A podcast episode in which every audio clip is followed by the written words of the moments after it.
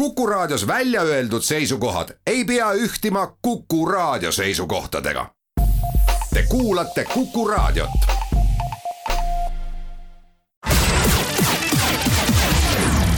nädala Tegija. nädala Tegija saab kõik puiduviimistlusvahendid Osmost.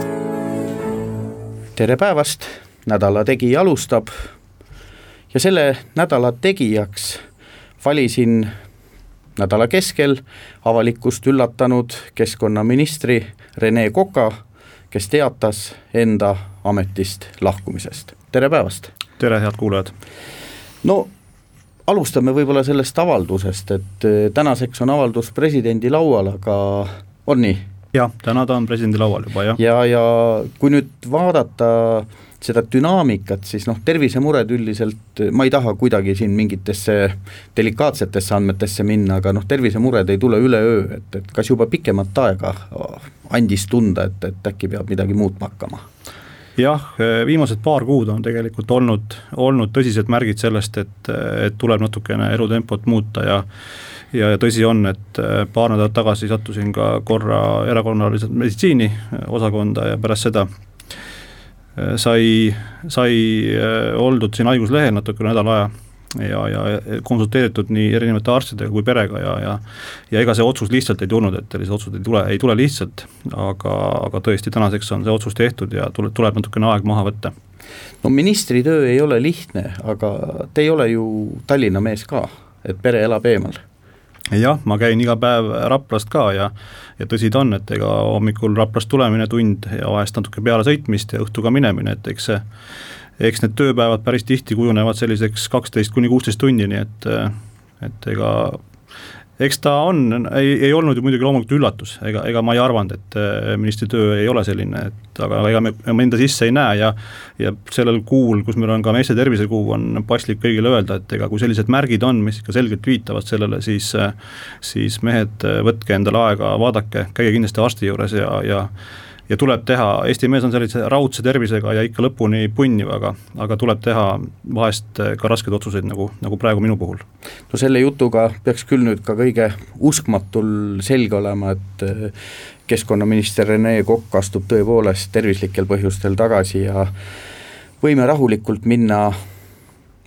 sisuliste teemade juurde, te olete nüüd poolteist aastat olnud eh, minister, et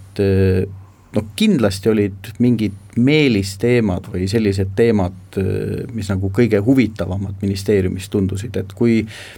kolm-neli neist kirja panna, siis või, või välja öelda praegu, et, et mis need olla võiksid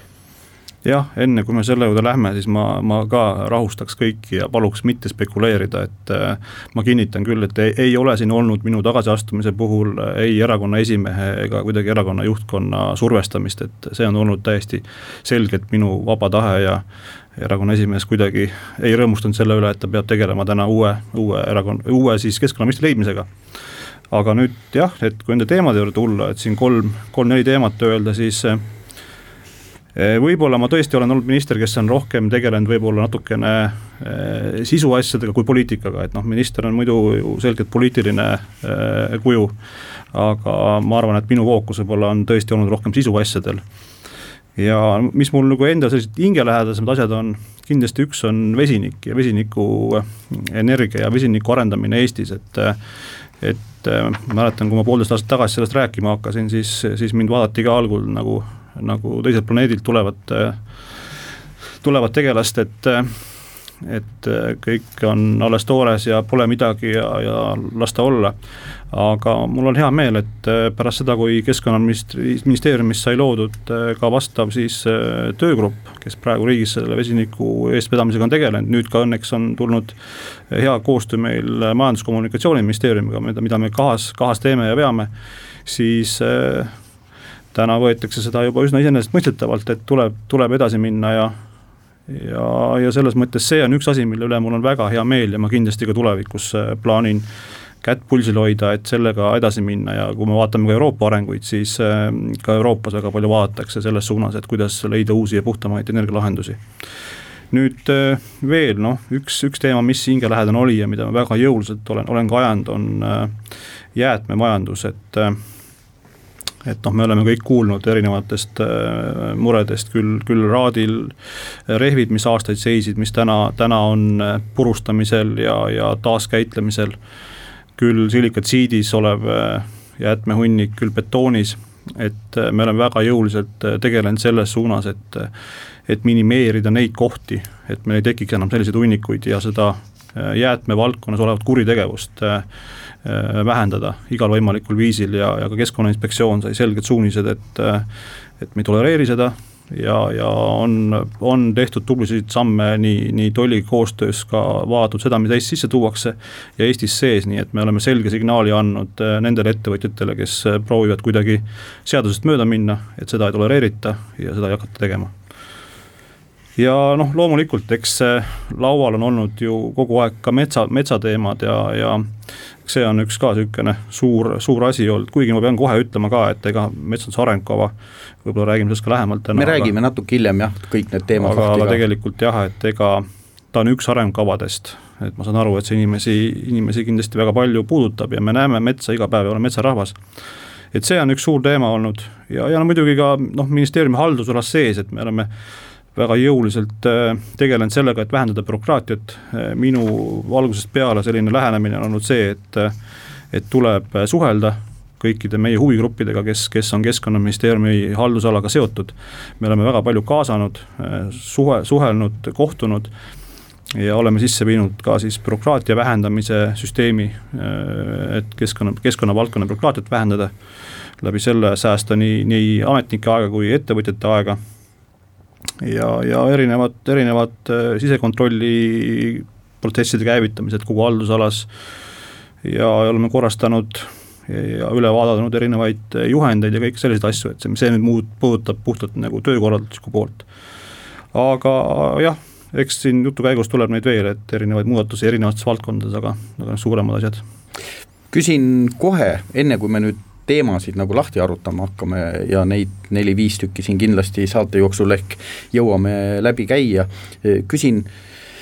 no ministri ametist ühel hetkel loobudes on kindlasti ka neid, kuidas ma ütlen, teemasid või momente, mille peale tagasi mõeldes tekib tunne, et ah, oleks võinud äkki või, või noh, ma ei tea, võib-olla mõni mees ei ole üldse kahjatseja tüüp ja see ei ole üldse halb iseloomuomadus, et, et mis siin pikalt mõelda, aga kas on selliseid asju, mille peale mõtlete, et äkki võib-olla oleks võinud midagi teisiti teha?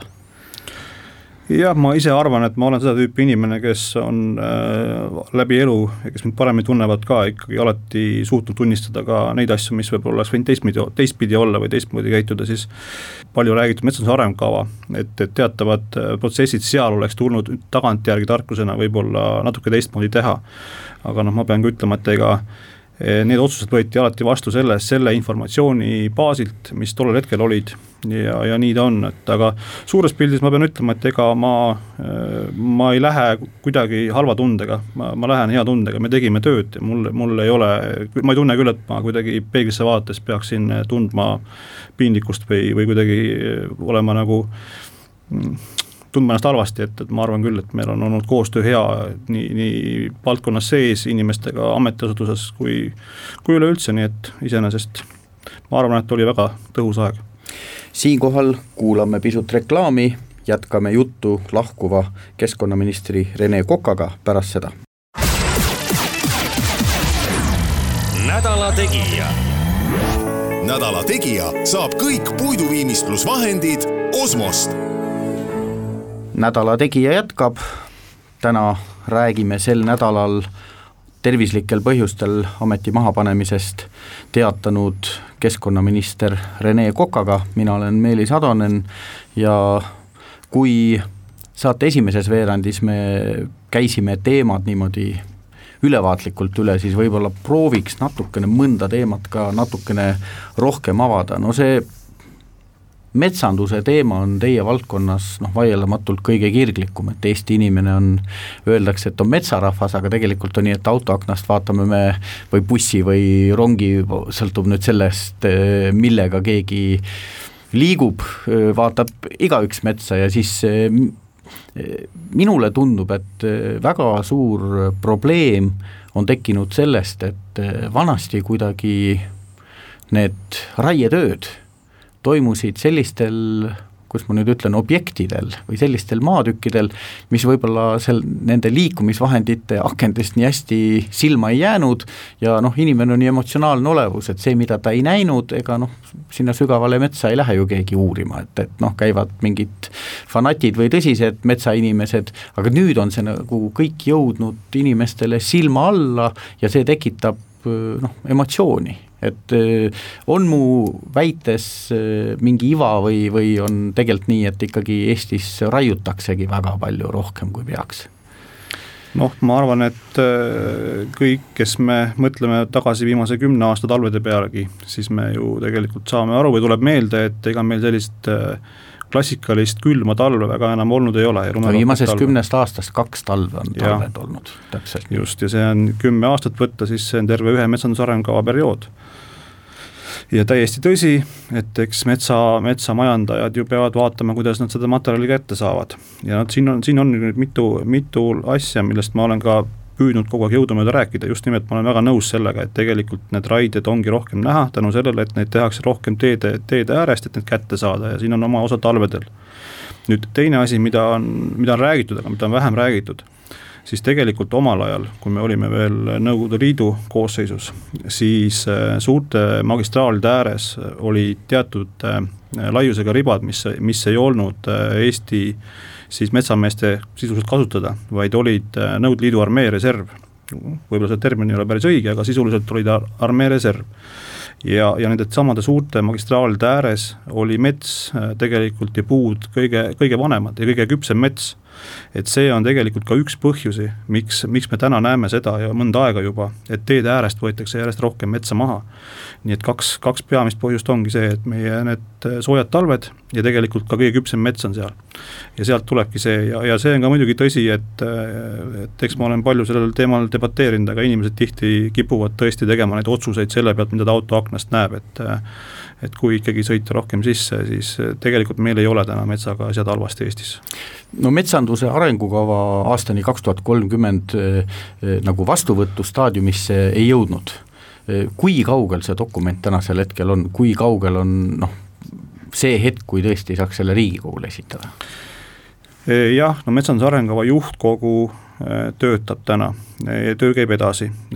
keskkonnaministeerium otsib jätkuvalt ja nüüd, nüüd siis rahvusvahelise hankega ka otsime keskkonnamõjude hindajat strateegilist hindajat, et noh, kui ma enne ütlesin, et kui, kui kuskilt peaks nagu endale tuhka pähe raputama, siis võib-olla see, et et ma küll rääkisin sellest ka varem, et võtame, võtame, minu mõte võiks võtta siis keskkonnamõju hindaja ka välisturult või ütleme, väljapoolt Eestit proovida võtta aga noh, ametkonnas sees oli selge arusaamine, et siiski tulevad pakkujad iga kord, kui oli hange eh, keskkonnamõju strateegilise hindaja leidmiseks, oli meil teadmine olemas, et meil tuleb pakkuja. et, et eh, noh, ma tahangi selgitada seda, et, et me, me ei istunud lihtsalt käed rüppes ja, ja lootsime, et, et viimasel päeval tuleb keegi või ei tule, vaid tegelikult ju eelläbirääkimised käisid võimalike pakkujatega ja meil oli teadmine alati olemas, et tuleb üks kuni kaks pakkujat meile. aga siis, kui oli avamiste päev, selgus, et need lubajad üks kuni kaks siis siiski ikkagi mingil põhjusel ei tulnud. ja, ja see on, see on, see on see põhjus ja, ja noh, sellest tulenevalt meil oli põhjust arvata, et me selle leiame. nüüd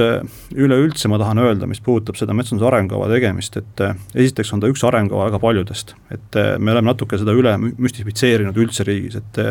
kui metsanduse arengukava üldse ei oleks ega ei tuleks, siis eh, ei juhtu Eesti metsadega midagi halba ka homme, ka kümne aasta jooksul. meil on olemas metsaseadus, meil on olemas looduskaitseseadus ja veel, veel mitmed seadused, mis reguleerivad eh, metsade eh, raiumist, kasvatamist ja nii edasi, nii et tegelikult Äh,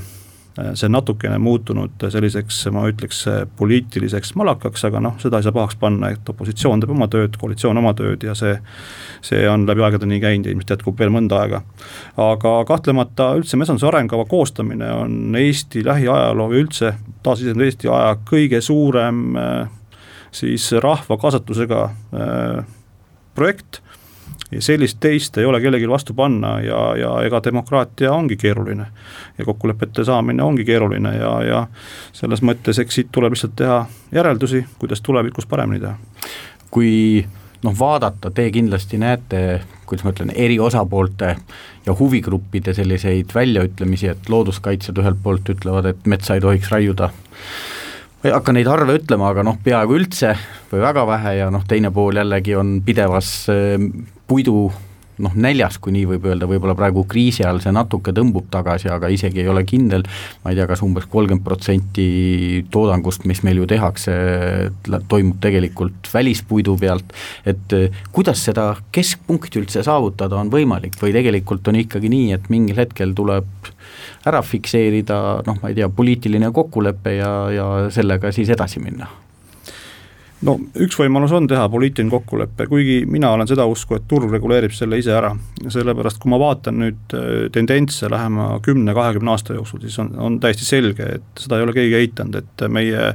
puidu äh, keskmine vanus väheneb, meil on rohkem nooremat metsa, see omakorda juba, juba vähendab ka raiemahtu ja see on paratamatus ja see on selle sektori selline samm-sammult minemine, see on selge, et noh, me räägime täna siin kolmekümnest tuhandest circa inimesest, kes sektoris on, pluss veel perekonnaliikmed ja muud, kes on seotud sektoriga aga see, see on iga, iga ettevõtlus ise reguleerub, et et mis puudutab täna metsa istutamist ja seda poolt, siis ma ütlen, et meil on küllaltki hästi Eestis sellega lood. ja, ja noh, igas valdkonnas on, on ka neid, kes on vähem korrektsed või ebaausad, eks, et tuleb, tuleb astuda neid samme, et seda, seda siis äh, vältida. aga jah, ma iseenesest ei näe, ei näe suurt probleemi selles, et pigem ikkagi on see, et meil tuleb käia ajaga kaasas, vaadata seda, kas, kas tõesti palju oleks vaja tõsta näiteks eh, lehtpuude eh, protsenti istutavatest eh, metsataimedest ja selliseid asju ja vaata parimaid praktikaid, aga aga sektor saab endaga hakkama ja, ja tegelikult, kui ma vaatan ka neid, noh, väga palju müra käib selle üle, et ikkagi raiutakse väga palju ja kõik on väga halvasti no ma ei tea, ma vaatan neid andmeid, mis, mis, mis mina saan, ametlikke andmeid, mida, mida ka Euroopa meil kontrollib ja nii edasi, siis, siis noh, need, need andmed ei kinnita seda, noh, kui me vaatame, palju on metsamaad tulnud ka metsamaana juurde, kui palju on puidu juurdekasv, metsa juurdekasv, noh, tõsi, mingil hetkel on meil noored metsad, me oleme üheksakümnendat aastat raiunud palju ja, ja istutatud ja meil on noored metsad, aga ma palun inimesed, minge metsa, vaadake neid lanke, mis olid üheksakümnendatel aastatel äh, raiutud, täna on seal kena noor mets peal, äh, nii et, et tegelikult võtame vähem emotsiooni ja, ja vaatame asju kainelt ja kalkuleeritult saatejuht on siin äh, suur metsasõber selles mõttes, et mina käin metsas orienteerumas, et seda hirmu, et äh, piltlikult öeldes orienteerumisvõistlusi Eestis äh, varsti teha ei saa, sest pole metsa enam ja noh, ilma metsata see päris põnev ei ole seal lageda peal, et seda hirmu tegelikult ei ole. ei ole, mul ei ole hetkel siin numbrid käepärast, aga me oleme väga palju suurendanud ka nii kaitsealasid, erinevate kategooriate kaitsealasid, kui kui noh, erinevaid metsaalasid, nii et, et meil, meil ei ole, meil on Eestis tegelikult hästi nii kaitsealadega kui, kui metsaaladega ja meil Eestis mets ei kao mitte kuskile ja, ja suheldes ka sektoriga, siis ma jätkuvalt ikkagi pean metsamehi kaitsma ka selle koha pealt, et nad on tegelikult ikkagi suure, suure südamega inimesed, et need, kes täna majandavad metsa ja kes istutavad metsa ja teevad seda ja tulevate põlvede jaoks nad ise ei näe, et äh, tegelikult see on ja, ja pluss kõik see, mis tähendab veel selle metsa harimist, ühesõnaga ja, ja vahepealseid tegevusi, see ei ole nii, et istutame puu ära ja siis ta kasvab, et seal on veel väga palju kulu tootvaid tegevusi vahel, enne kui see mets kuuekümne aasta pärast valmis on või seitsmekümne aasta pärast. siinkohal kuulame reklaami, uudiseid, jätkame juttu Rene Kokaga pärast seda. nädala Tegija. nädala Tegija saab kõik puiduviimistlusvahendid Osmost. nädala Tegija jätkab saates ametist lahkuv keskkonnaminister Rene Kokk, mina olen Meelis Atonen ja metsateema lõpuks, et, et noh, võib-olla üks koht, kus mina näen, et teinekord inimesed ka, kuidas ma ütlen, kriitiliseks muutuvad täitsa asja pärast, on see, et kui nad näevad, kuidas kodude lähedal metsa maha võetakse ja tundub, et nagu kogukonnaga ei ole piisavalt läbi räägita, läbi räägitud, et, et kuidas seda olukorda muuta ja kas seal on mingeid lahendusi? Jaa, ma saan täitsa inimesena sellest aru, et ka mõnd-, mõnda aega tagasi minu äh, lapsepõlvekodu kandis ka mõned äh, metsatükid, kus mina olin harjunud äh, käima küll marju korjamas ja ja seenel ja mängimas võeti maha ja ma üldse ei eita, aga minul oli mõnevõrra nukker tunne, kui, kui sa oled kogu aeg näinud seda pilti ühte, ühtepidi. aga ma annan ka selgelt endale aru, et see on kellegi omand ja, ja kes omaenda omandit majandab ja ja nii ta on ja nüüd sellest on mõned aastad möödas, sinna on mets istutud peale või puud ja, ja juba noored, noored äh, kuused kasvavad, nii et et paari, paarikümne aasta pärast on see pilt juba hoopis teine. aga jah, et meil on räägitud ju palju sellest ka, et et Riigimetsa Majandamise Keskus võiks rohkem kaasata, kaasata kogukondi ja inimesi ja me oleme sellest rääkinud ja ma täna julgen küll väita, et, et see on, on, on, see kaasamine on täna hea. Ja, ja, ja ma olen saatnud ka mõnda aega tagasi äh, Riigimetsa Majandamise Keskuse nõukogu liikmetele kirja, kus ma palusin enne, kui uus metsanduse arengukava valmis saab, äh, mitte äh, teha mitte kuskil mingeid, mingeid raieid, mis puudutab KAH-alasid, ehk siis kõrgendatud huviga alasid siis erinevate asulate juures, kui on absoluutne kokkulepe nii kohaliku kogukonnaga kui ka omavalitsusega. Ja, ja samamoodi ma olen ka sealsamas kirjas palunud mitte mitte tõsta RMK-l siis äh, raiemahtu, mis tal on praeguse RMK mm, siis plaanide kohaselt lubatud kuni neli miljonit tihumeetrit aastas. see on viimase kuue aasta keskmine olnud neil circa kolm koma kaheksa ja ma olen ka palunud mitte seda suurendada, enne kui on, on metsade arengukava äh, valmis, heaks kiidetud ja siis lõplikult näha, kuhu me siis suundume Eestis raiemahtudega Läheme nüüd metsa juurest mujale, sest eh, mets on võib-olla emotsionaalselt kõige olulisem teema, aga ega ei jää palju emotsionaalsuselt alla eh, ka põlevkivi temaatika, et iseenesest noh, ta muidugi paljude inimeste jaoks taastub või taandub Virumaa või pigem isegi Ida-Virumaa mureks, aga on vist üpris selge, et elektri tootmine põlevkivist väga jätkusuutlik pikaajaliselt enam ei ole. Jah, tõsi ta on, et kui me vaatame nüüd neid arenguid ka, ka maailmas tervikuna ja Euroopa Liidus, siis ka siis äh, selles, selles võtmes äh, elektri tootmise toorainena põlevkivi enam ilmselt väga, väga pikalt äh, ei ole konkurentsivõimeline, kui me vaatame ka eelmist aastat, kui palju tegelikult, kui, kui palju sellest ajast tegelikult seisid suurema aja siis äh, põlevkivist elektri tootmise tööstus, siis, siis äh, siin on selgelt meil vaja vaadata neid uusi trende, et, et äh, ma kindlasti pean mõistlikuks põlevkivi väärindamist ka tulevikus, aga seda tuleb teha kindlasti kõige parimal viisil, parimaid äh, võimalikke tehnoloogiaid kasutades. ja, ja vaadata sinnapoole, et mis võiks olla need äh, põlevkivi, põlevkivikeemia tooted ja, ja sinnapoole minnes, et kindlasti see majandusharu peab jätkuma, aga eks seal tulevad lähi, lähikümnenditel ees suured, suured muutused. no põlevkiviga on ju selline olukord ka, et äh, tegelikult Euroopa nagu annab meile noh, vahendeid, et, et äh, põlevkivi pealt otsida piirkondlikult uusi väljakutseid ja uusi võimalusi. kui hästi või, või kui suunatult neid vahendeid praegu planeeritakse kasutada? no sellega töö käib ja, ja eks, eks see, see suur fookus ongi selles suunas ikkagi, et kuidas, kuidas seda Ida-Virumaa siis äh, elu, tööstust ja kõike seda suunata sinnapoole, et oleks rohelisem, inimestel töö jätkuks ja et need rahad saaksid kasutatud õigesti ja ja eks siin on ka erinevate, erinevate selliste strateegiate või kavade väljamõtlemine, siin, siin on väga palju erinevaid ministeeriumeid kaasatud, nii rahandusministeerium, majandusministeerium kui, kui nii edasi, et et tõsi, et eks need need väljakutsed on, kuidas leida need, need parimad lahendused, aga, aga noh, ka see üks näide, millest me korra põgusalt algul rääkisime, vesinik. et, et eks tuleb ka leida neid võimalusi, kuidas, kuidas saada hakata vesinikku tootma, näiteks põlevkivi kas siis energia või, või keemiatööstuse juures, et et eks see on suur väljakutse, aga, aga mul on selles mõttes hea meel öelda, et ma selgelt näen, kuidas ka Ida-Virumaa ettevõtjad ja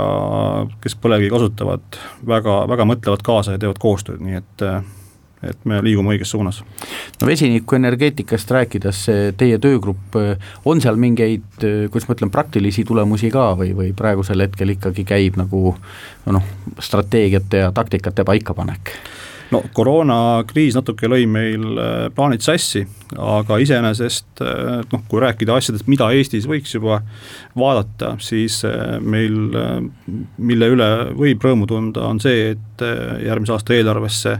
nimetatud vesiniku reale õnnestus saada kakskümmend viis miljonit eurot. ja, ja selle, selle rahaga on, on plaanis hakata siis äh, toetama vesinikutehnoloogia terviklahendusi. mis tähendab seda, et me ei toot-, ei toeta ainult ühte etappi, et äh, kas siis ainult tankla ehitamist või ainult tootmist, vaid see näeks välja sedasi, et äh, et siis kogu see, kogu ahel, et nii piltlikult öeldes kuskil kas siis tuulepargist või, või päiksepargist tuleks rohevesinik, kus toodetakse Äh, siis nähakse ette ka salvestustehnoloogia, kus salvestatakse ja lõpptulemusena on, on ka välja pakkuda siis partner, kas see on siis mõni linn, omavalitsus, kes siis paneb kas äh, vesinikubussid liikuma, on need siis prügiautod, jäätmeid vedama või miks mitte ka viie kuni kümne aasta jooksul näiteks Viljandi rong. pluss ka siis inimestele tankla, kus on võimalik vesinikuautosid tankida ja ma kindlasti olen üks esimesi vesinikuauto ostjaid, kui kui mul õnnestub äh, Rapla-Tallinna vahel liikuma hakata vesinikuautoga. no vesiniku sellised skeptikud ütlevad, et, et see on natukene kaugem muusika, aga kui me nüüd vaatame alternatiive tootmisele, siis tegelikult Eestis ütleme nii, et päikeseenergeetika, tuuleenergeetika, kõik on noh, kuidas ma ütlen, väga popiks muutunud ja muutumas, aga meil on üks väga suur mure, et, et äh, kui keegi tahab tuuleparki püsti panna, siis äh, ma ei tea, kas võib öelda, aga siis tabab seda parki tselluloositehase efekt ja kui keegi tahab, ma olen juba aru saanud, et ka päikesepaneele, kui keegi tahab oma põllule panna, siis kui, kui põld niisama söötis on, siis see naabrimeest väga ei häiri, aga kui sinna peaks tulema paneelidest, äh, kuidas ma nüüd ütlen, rahapump või, või noh, ütleme ühelt poolt riigi äh, poliitikat ellu viiv ettevõtmine, mis teiselt poolt ka raha genereerib, siis on vist kadedus see, mis kuidas ma siis ütlen, protestima paneb, et et kui suur probleem see protestivaim eestlaste hulgas ikka energeetikas meil on? jah, see on, see on tõesti täna probleem ja, ja mõnda aega juba äh, jah, et me räägime palju roheenergiast, tõesti, me räägime palju tuuleenergiast, me räägime palju päikeseenergiast ja, ja öeldakse ka palju oponentide poolt, et kõik see on saatanast, mis tuleb meil põlevkivienergia ja Venemaalt tulev energia on kõik halb ja nii edasi. aga aga ei pakuta lahendusi, mis on siis see lahendus, et kust see energia siis tuleb, et kuskilt on vaja ju äh, baaskoormusi hoida ka siis, kui ei ole tuult või meie heitlik ilm ei ole päikest nii palju, et toota. ja, ja tõsi on ka see, et jah, keskkonnaministri äh, meilikastis on pidevalt kirjad siis nii ühte kui teistpidi, et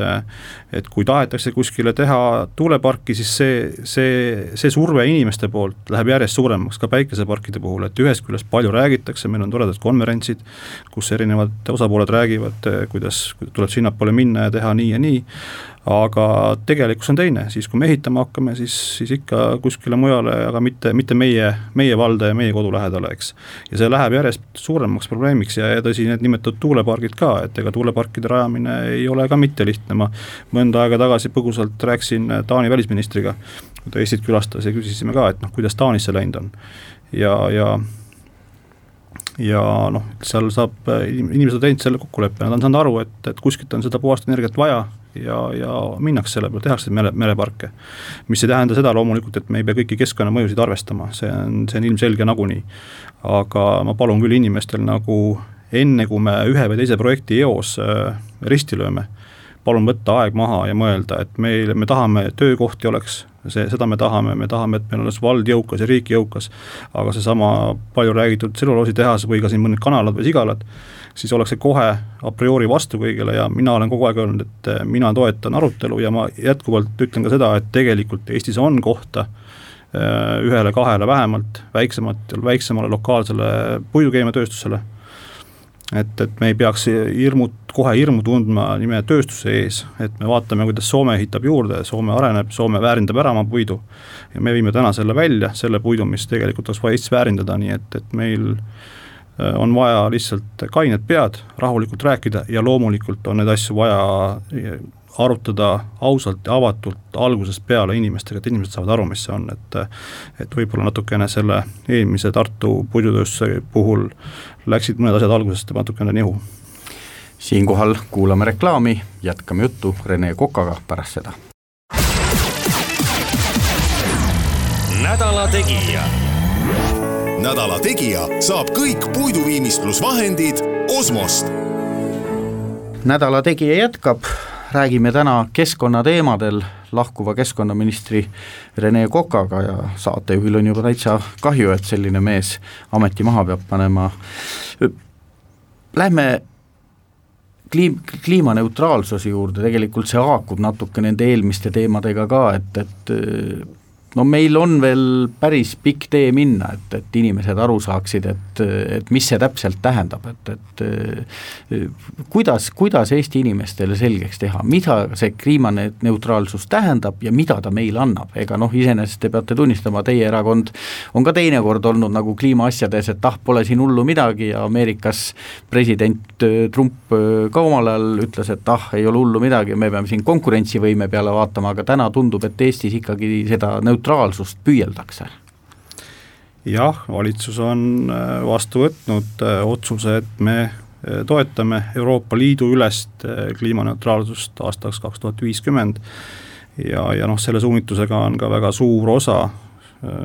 kui ma õieti mäletan, lähema kümnendi jooksul circa kolm koma kolm miljardit raha, mis tuleb keskkonna valdkonda, mis puudutab siis nii, nii kliimaneutraalsust, ringmajandust, rohemajandust kui kõiki muid asju. et need rahad, mis sellesse valdkonda liiguvad, on väga-väga suured tõsi, muidugi see uuring, mis, mis me tegime, no selles mõttes ma jälle väga nagu pean üldse eestlasi tun-, tunnustama, tunnustan, et ja ka keskkonnaministeeriumit, et et käies ka Euroopa keskkonnaministrite siis kokkusaamistel, siis mulle vahest tundub, et mõned riigid võtavad, kuidas ma ütlen, ambitsiooni tõstmist väga kergekäeliselt. et väga populaarne on välja öelda üks või teine number, võtame selle sihi, teeme ära, ma olen ka nalja visanud teinekord, et ma saaks ka võib-olla meediasse mõnda aega, kui ma ütleksin, et Eesti toetab näiteks kliimaneutraalsuse võtmist aastast kaks tuhat kakskümmend kaks seda on väga lihtne öelda, ma olen mõnda aega kuskil üle Euroopa kaanepoiss, aga tegelikult on vaja see riigil ära teha. ja, ja Eesti lähtus sellest seisukohast, et me enne eh, ei tee mingisuguseid otsuseid, kui me oleme, meil on olemas ka analüüs, et me saame aru, et mis see meile maksab ja kas see on võimalik sellepärast et noh, me, me ei taha, et meie inimeste elatustase langeb, meie ettevõtted peavad saama jätkata ja, ja loomulikult me ju töötame selle nimel, et meil kõigil paremini läheks, mitte et me halvemini läheks ja noh, Eesti hinnalipik, mis tollest uuringust, enne kui Eesti selle otsuse vastu võttis, et me toetame seda, oli circa kaksteist, kolmteist miljardit. ja tõsi, see on väga suur raha.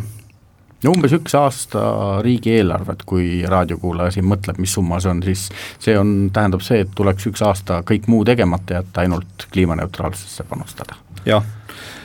nii on, aga ma tahan seda öelda, et see, ma olen seda kogu aeg öelnud ka, et äh, rahu et tegelikult me liigume selle poole kogu aeg, et, et sedasama CO2 siduda ja vähem emiteerida, selleks on kogu aeg tegevused, meil on, oleme ilmselt kuulnud, et siin äh, mõned suured laevaettevõtted on, on läinud oma laevamootoritega gaasi peale üle. Äh, me vaatame seda, kuidas ettevõtted järjest äh, lähevad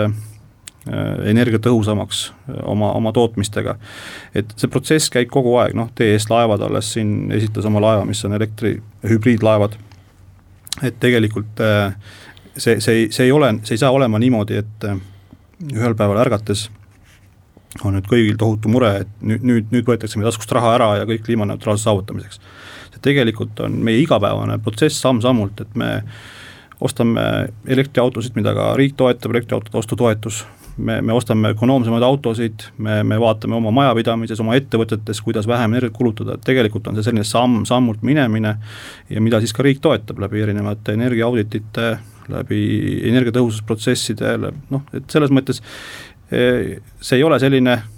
pähe kukkuv suur kohustus, mis meid rusub, vaid tegelikult, kui me mõtleme keskkonnasäästlikult ja mõistlikult igapäevaselt teha neid valikuid, siis me liigume sinnapoole ja minul on usku, et Eesti, Eesti saavutab selle ära ära täiesti mõistlikult, ilma et meil peaks tekkima siin väga suur mure, et me peame millestki loobuma või, väga halvasti läheb, et, et ei, et Eesti on õigel suunal ja. tuleb selline orgaaniline areng piltlikult öeldes. mina, mina olen täiesti seda meelt küll. veel enne lõppu mõned nagu lühemad äh, vastused või, või, või küsimused, mis ei vaja võib-olla väga pikka vastamist, sest aega on meil tõesti mõni minut jäänud, aga tuumajaam kindlasti teie uksele ka koputavad siin Fermi Energia ja nüüd viimane kord ma kuulsin hiljuti, kuskil juba räägiti, et ei, mitte ei ole neljanda põlvkonna, vaid nüüd on kolm pluss jutt tulnud, aga põhimõtteliselt keskkonnaminister Rene Kokk tuumajaama vastane ei ole ei ole, ei ole, ei ole pooldaja, ei ole vastane, ma olen kogu aeg öelnud seda, et minu, minu ametipostis on selgelt näha see, et äh, kui raskeks läheb igapäevaselt raskemaks ka tuulikute ja päikseparkide ehitamine, siis alternatiivina tuleb arutada. Äh, küll ma pean ütlema, et ma ei ole valmis arutama kolm pluss tuumajaama. kui mina, mille mina käe üldse olen valmis alla panema või arutama selle võimalikku ehitust, on kindlasti neljas generatsioon ja edasi. Teie erakond ütles, et kuskil on süvariik, te olete nüüd poolteist aastat ministeeriumis töötanud, kuidas teil koostöö sujus, ma ei hakka nii küsima, et kas süvariigi leidsite, aga et kuidas teil ametnikega sujus, et avastasite, et nagu töötatakse vastu või, või on ikkagi nii, et kui minister otsustab, siis ametnikud teevad kõik, et ministrile parimat otsust tagada? No ma olen oma inimese tüpaažilt selline, kes üldiselt äh, suudab kõigi inimestega, kes ise mõistlikud on ja teisi austavad, äh, hästi läbi saada ja eks, eks seda kuidas ma, kuidas ma olin, eks seda oskavad mu,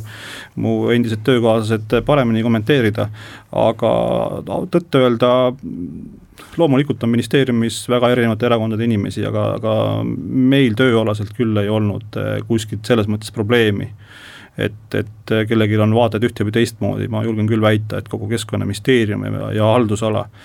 mis on üle tuhande viiesaja inimese, töötas selles suunas, et tõesti Eesti, Eestis oleks asjad paremini ja, ja selles suunas, et keskkonnavaldkond areneks ja läheks paremaks, nii et eh, minul on igati positiivne, positiivne tunne minnes sellest ametist. erakonna esimees Martin Helme teilt nõu ka küsis järeltulija suhtes või on see erakonna esimehe õigus kandidaat välja pakkuda? jaa, me oleme arutanud seda ja, ja noh, see kogu see äh, Mardi ja Martini üle müstifitseerimine on, on omaette teema, aga ei, Mart ja Martin mõlemad on väga tublid inimesed ja ja vastupidiselt äh, levinud või levitatavale arvamusele, et nad kõik ise teevad, siis nad täiesti arutavad inimestega, peavad plaani ja, ja on väga tublid ja koostöövõimelised inimesed. ma ei tea nüüd, kas see info on õige, aga noh, peamine ministrikandidaat on praegu Rain Epler, tunnete teda? tunnen äh, nii palju, kui läbi äh, siis rahandusministri nõuniku on olnud kokkupuuteid rahandusministeeriumiga ja erinevate tööalaste kokkupuudetega, rohkem ei tea, aga aga ma arvan, et Rain, Rain kindlasti on üks potentsiaalne võimalus, minu teada täna ei ole see lukus veel, EKRE volikogu on homme Tartus, et äh, on veel kandidaate, et eks siis homme selgub täpselt. ma ei tea, öeldakse, et minister jätab järeltulijale mingid nõuanded, ma ei hakka küsima, kas teile jäeti, aga on plaanis midagi jätta või on need salajased või, või võib avalikult välja öelda? Äh, mul on kindlasti paar mõtet, mis ma, mis ma talle omavahel edasi annan, jah, seda küll. päris lõppu, te lähete Riigikokku tagasi, poliitikast lahkumise plaani ju ei ole, eks ju? ei, hetkel ei ole, et äh, jah. mis valdkonnas Riigikogus tahaks tööd teha? või on juba see läbi räägitud, et, et see, see veel selgub, et äh, oli, oli plaan küll minna majanduskomisjoni, aga, aga eks, eks see nüüd täpsemalt äh, selgub, aga eks võtan aega maha natukene ja, ja, ja vaatan, et panustan seal ja muidugi ka kohalikud omavalitsuse valimised tulemas ka, et täna, täna on äh, ka Raplas oleme koalitsioonis, mille volikogu esimees ma enne olin, nii et eks ma kindlasti lähen ka Raplasse uuesti panustama, nii et kas tänapäeval on nii, et saab volikogusse tagasi ka minna, kui ministriamet maha pannakse või kadus ära see võimalus? saab minna, jah, saab minna. siis saab äh, ka volikogu liikmelisuse taastada ja,? jah, selle ma plaanin hiljemalt detsembris teha. igal juhul aitäh, aitäh Eesti riiki teenimast, aitäh täna saatesse tulemast ja jõudu teile! aitäh! nädala Tegija nädala Tegija saab kõik puiduviimistlusvahendid Osmost